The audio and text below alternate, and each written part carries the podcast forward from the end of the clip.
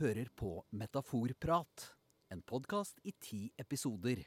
Av Norunn Askeland og Magdalena Wagner Agdestein. Hva skal vi med metaforer? Hvordan brukes de? Og hva gjør metaforene med oss? Hvilke metaforer bruker politikere og reklamefolk for å påvirke oss? Hva er de vanligste metaforene om kropp, sykdom og død? Og hvordan brukes metaforer som terapeutisk redskap? Dette og mye mer kan du høre om i denne podkasten, og dermed bli bedre kjent med metaforenes vesen og virke. Velkommen til Metaforprat.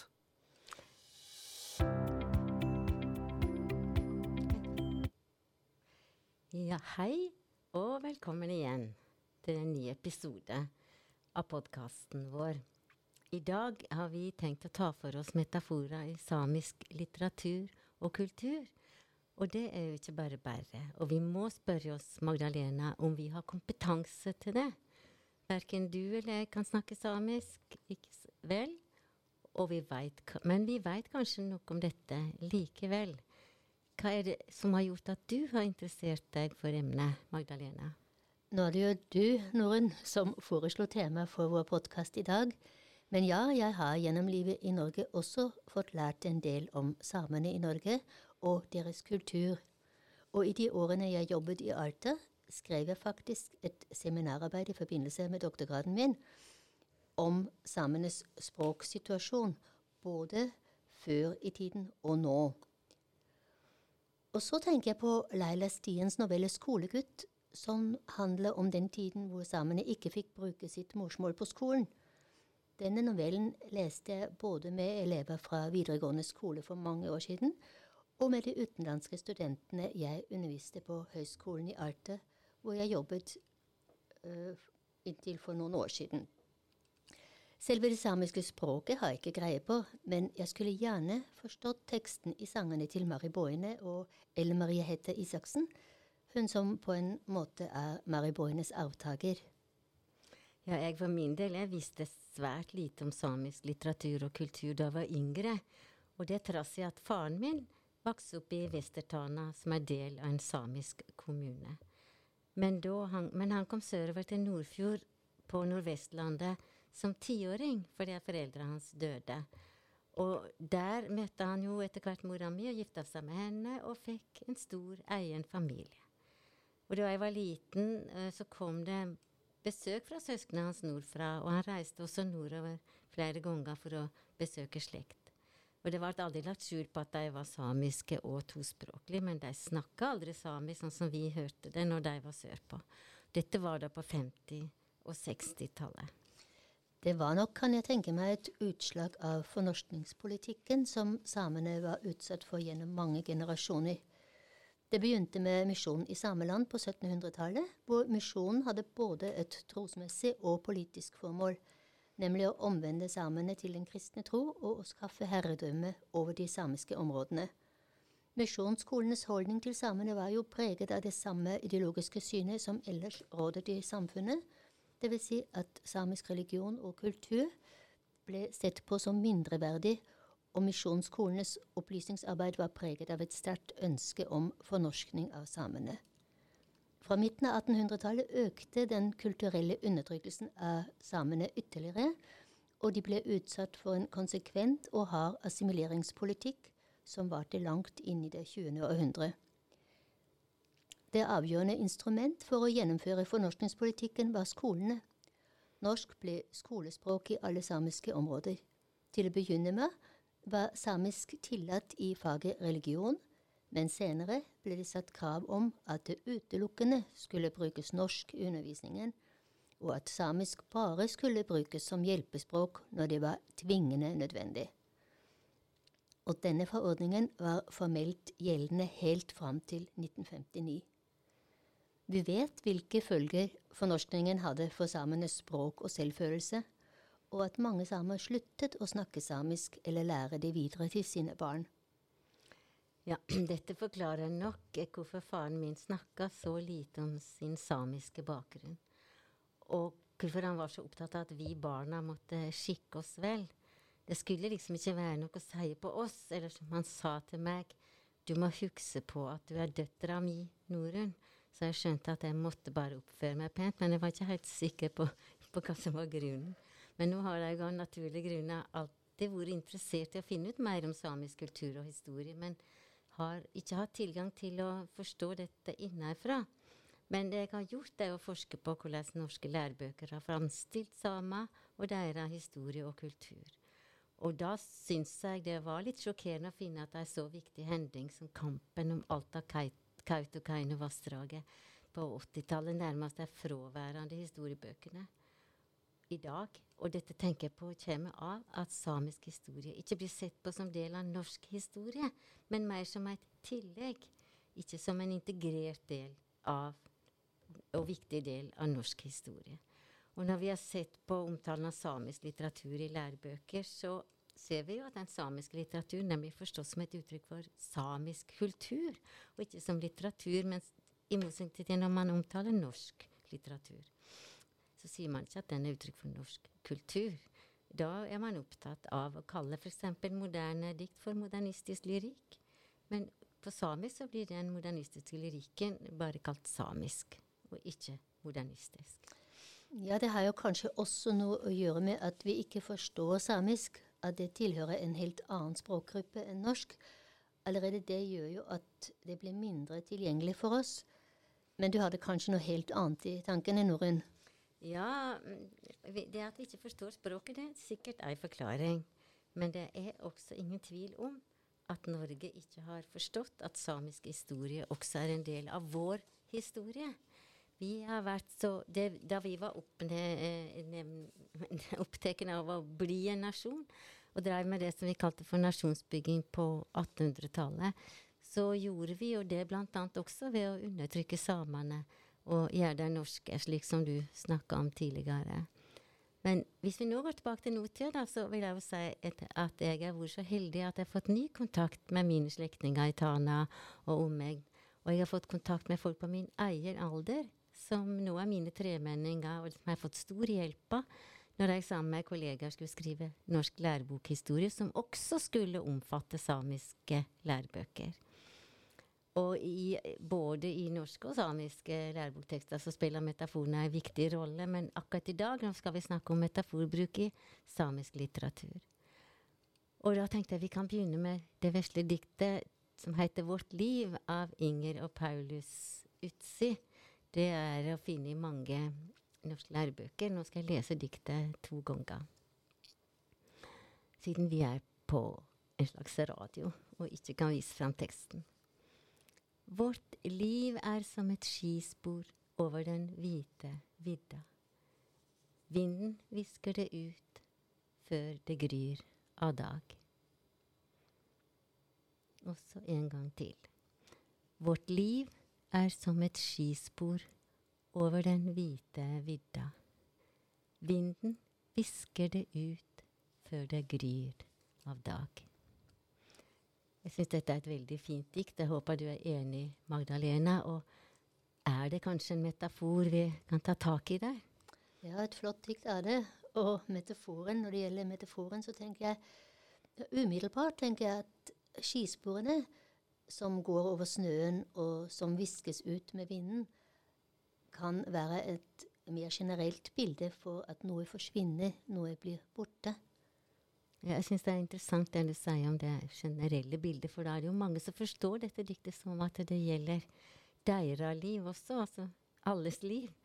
Men nå har den samiske litteraturviteren Harald Gaski peka på at dette diktet her må forstås i en samisk og ikke universell kontekst. Vårt liv er ikke alles liv. Han mener at metaforen om livet som skispor, det handler om det samiske livet og den samiske kulturen som står i fare for å bli viska ut. Å bli viska ut her er jo en metamor for å dø eller det å forsvinne. Og det kan skje fort før det gryr av dag. Og det som blir viska ut, er altså skispora. Og Gaski mener at det handler om det som er skrevet i snøen. Og han, har, han forteller om at uh, Utsi hadde sjøl forklart i et intervju at samene brukte å skrive i snøen. Og det fikk han til å tenke på det å skrive dikt. Ellers så fortalte han også at Utsi var opptatt av at samer skulle lære seg både sitt eget språk og majoritetsspråket, for å se hvordan eh, majoriteten manipulerte samene rent språklig. Da, da kunne da bli oppmerksom på hvordan språket kunne være ei snare en kunne fange noen med, eller sjøl bli fanga med. Språket som en snare, det er jo et artig bilde for språklig manipulering. Ja visst. Og Gaski hevda jo at eh, den samiske måten å uttrykke seg på ofte er indirekte, og at den skjuler mye, sånn som dette diktet også er et eksempel på når du begynner å grave i det. Og han hevda også at samisk poesi på denne måten er unik i europeisk litteratur, men likevel har mye felles med det som vi kaller for world poetry. Ja, det er viktig å forstå tekster ut fra en kulturell og historisk sammenheng. Men nå ser jeg at du har tatt med deg et dikt av Eilo Gaup som vi kan bruke som et eksempel. Så jeg skal lese dette for lytterne våre, og så skal jeg følge ditt eksempel og lese det to ganger. Jeg, til, jeg tilhører en vestlig grein av en østlig stamme i nord. På disse viddene, ved disse fjorder og fjell, og under dobbel stjernehimmel er vårt hjem. Inn i dette har Europa marsjert med kors, konger, krig og kaos. Og nå sender de oss den usynlige død. En gang til. Jeg tilhører en vestlig grein av en østlig stamme i nord. På disse viddene, ved disse fjorder og fjell, og under dobbel stjernehimmel av vårt hjem. Inn i dette har Europa marsjert med kors, konger, krig og kaos. Nå sender de oss den usynlige død. Og nå lurer lytterne kanskje på hva som er den usynlige døden i den siste strofen. Vil du si litt om det, Norunn? Ja, det er jo egentlig flere metaforer i dette utdraget som du las. Og når, eh, en av dem er jo også det at Europa har marsjert inn i vårt hjem, altså hjemmet hjemme i nord, eh, i samenes sameland. Og så står det 'med kors, konge, krig og kaos'. Og når vi snakka om fornorskningspolitikken i stad, så er jo iallfall det. Europa det er Norge. Det har marsjert som en Altså her er det eh, en person, altså, landet blir gjort en person, og så marsjerer inn med kors, for det var jo den ø, viktige den med å gjøre samene til kristne. Og ellers også krig og kaos kan vi også bevitne da. Men denne døden, den usynlige død, det er jo kan jo iallfall helt sikkert forstås i lys av de atmosfæriske atombombeprøvesprengingene på Novaja Semla på 50- og 60-tallet. Der ble jo Finnmark særlig ramma. Og sjølsagt også i lys av eh, Tsjernobyl-ulykka i 1984, som var den mest alvorlige kjernekraftulykka i verden til nå. Eller var det i 1986? Kanskje det? Ja, det må vi finne ut av. Men døden er personlig personifisert som mann med ljåen, eller andre synlige skikkelser til vanlig i litteraturen. Men i dette diktet er døden usynlig, som radioaktivt nedfall. Og det er det usynlige som gjør døden ekstra skremmende i dette diktet. Ja, Tsjernobyl-ulykken, den husker jeg godt. Og hvordan det ble meldt på radio om at vi måtte holde oss inne når det regnet. Og når det gjelder atombombeprøvesprengningen på 50-tallet og 60-tallet, husker jeg eh, selvfølgelig ingenting av.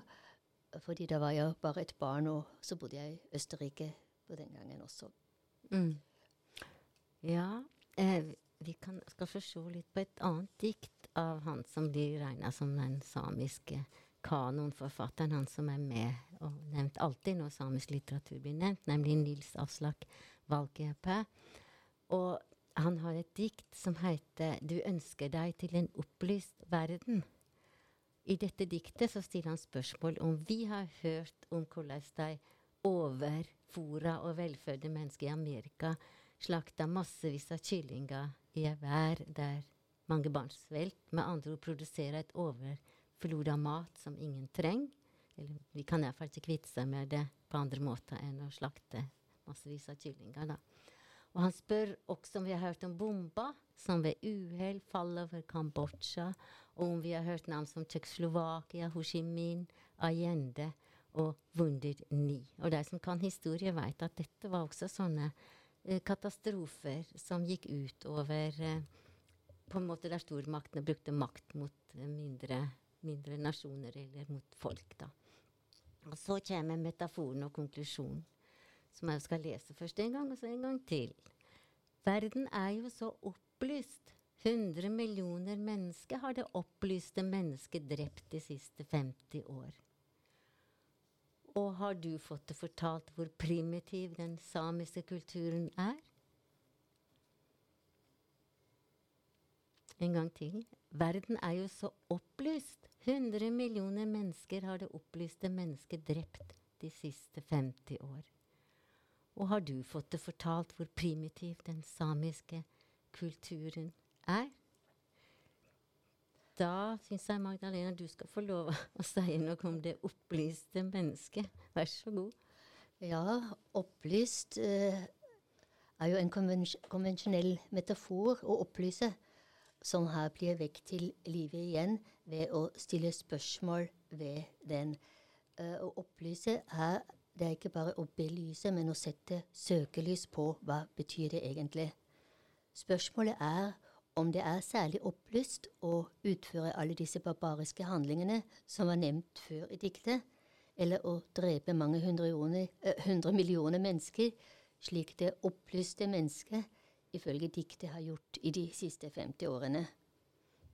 Ja, det er jo også en sentral metafor når vi skal dele inn historia i epoker. Vi snakker om opplysningstida. Det var da folk fikk kunnskap om verden rundt seg.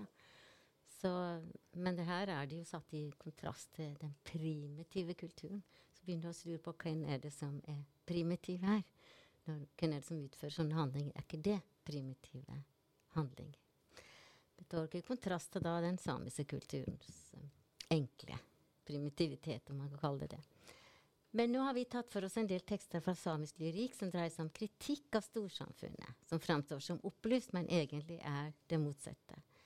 Og her har vi iallfall en tekst med mer oppbyggelig innhold, som er skrevet av Mari Boine. Jeg skal lese to ganger her òg. Som en klippe, som hav, som himmel er du. Like fast, smidig og lett.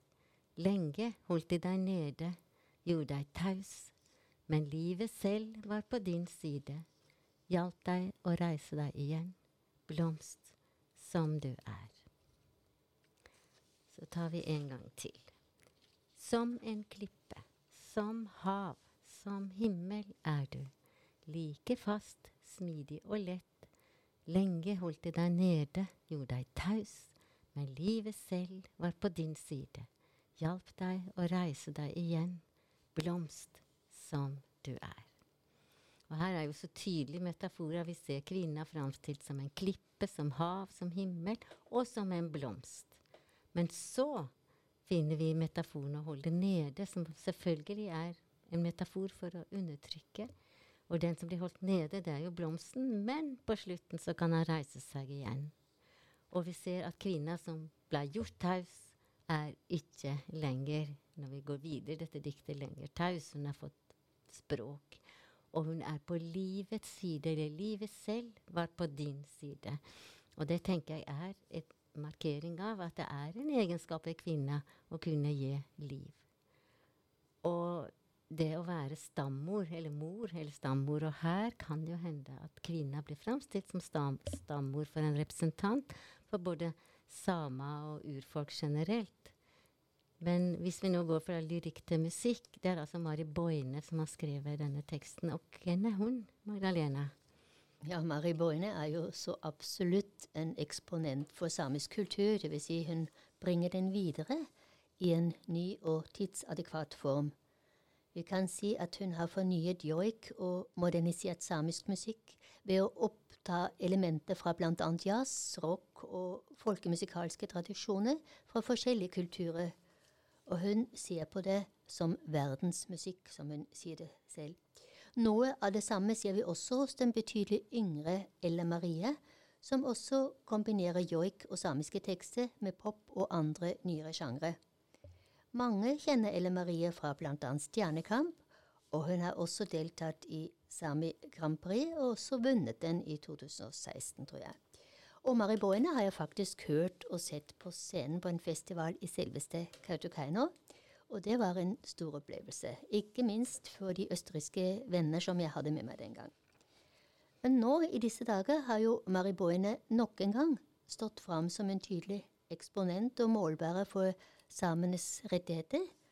Da tenker jeg selvfølgelig på vindmøllesaken på Fosenhalvøya, hvor det nå igjen handler om samenes kamp mot storsamfunnets overmakt. Ja, du snakka nå om Ella Marie og også nyere sjangre. Nettopp.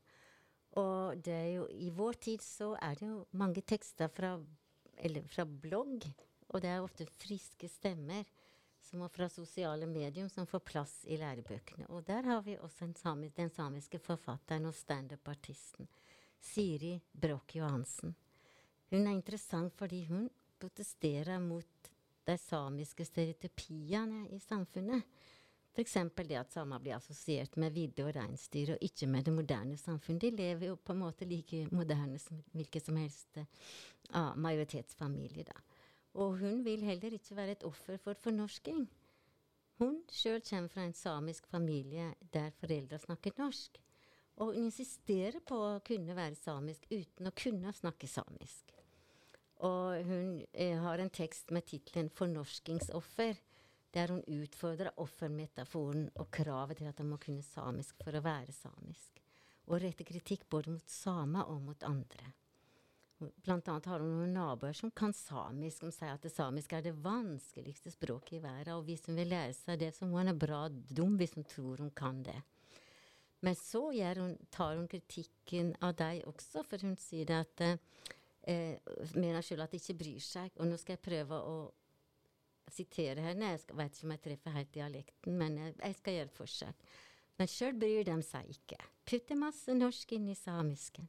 Hvis jeg hadde kunnet samisk, da skulle jeg tatt vare på hvert enkelt ord, stelt og pussa det. Og her ser vi at samisk språk er framstilt som en gjenstand eller en beholder. Den kan putte noe inn i den, og i dette tilfellet samiske ord, som også er gjenstander som i tillegg kan pusses og stelles som sølv eller gull. Hun har gått på et kurs hun, for å lære seg samisk, men det er dyrt. Og jeg siterer igjen. Skal jeg ta opp studielån for å lære morsmålet mitt, som staten stjal ifra meg. Nei, jeg betaler altså ikke for det tyveriet. Og her ser vi at både det samisktalende og staten blir offer for ironisk metaforbruk. Språket er en verdifull gjenstand, og den norske staten er en tjuv og en fiende. Mm -hmm. Med det store språktapet som samene har lidd, er det naturlig å spørre seg er man nødt til å kunne samisk, eller har det som morsmål for å kunne kalle seg samisk? Når vi ser på Sametingets definisjon på hva en same er, får vi følgende svar. Alle som avgir erklæring om at de oppfatter seg selv som same, og som enten A har samisk som hjemmespråk, eller B har eller har hatt foreldre, besteforeldre eller oldeforeldre med samisk som hjemmespråk, eller C er barn av personer som står eller har stått i manntallet. Vi ser at de ø, første punktene er knyttet til samisk språk i egen familie, tilbake til oldeforeldre. Men når det gjelder punkt tre, altså barn av personer som står eller har stått i manntallet, kan vi jo bare si at fornorskningen uh, har uh, en så lang historie at det nok finnes samer som føler seg som samer uten å kunne fylle kriteriene til Sametinget. Og den unge samiske multikunstneren uh, som du snakket om, forfatteren Siri Broch Johansen, hun er jo tydeligvis en av disse. Ja, det sier hun jo ganske tydelig sjøl også. Og det er, et, eh, det er ellers et hovedtrekk ved metaforene i de tekstene vi har snakka om i dag, at de dreier seg om et større tema enn å kritisere norske myndigheter, selv om vi også ser tendenser til det, kanskje i de eldre tekstene så får vi en, eh, også tekster der metaforen er mer knytta til bevaring av urfolkskultur og leiting etter identitet, men også til noe man har funnet til å, bli, å være sjølbevisst og stolt over. Og det så vi særlig i de nyeste tekstene skrevet av ungdom, som viser en mer avslappa og avklart holdning til identitet. Det er ikke sikkert at samisk språk er et kjennetegn på at du er same. Og disse unge forfatterne de er altså både samiske og norske. Så da får vi på håpe, og, og ser seg sjøl som det. Så får vi bare håpe at norske lærebokforfattere og forlag også forstår det, og at jeg ikke framstiller samisk som et tillegg til det norske, men som en integrert del av både norsk historie og litteraturhistorie. Ja, nå Norun sier jeg at klokka går, og vi må nå bare innse at vi er ved veis ende for denne gang. Men neste gang skal vi altså snakke om hvordan metaforene virker, hvor lenge de varer i språket, og også hvor populære, eller om, om populære metaforer i vår tid, da, eller hvilke metaforer, metaforer som er populære i vår tid. Og vi vil selvfølgelig ha med oss mange eksempler fra politikk og skole og andre områder i hverdagsspråket. Og dermed sier vi takk, takk for oss, oss, og takk, takk for, for, i dag. dag. Takk for at dere lytta til Metaforprat. Og husk at dere kan finne oss på Spotify, både denne episoden og andre episoder. Det er bare å søke på ordet metaforprat.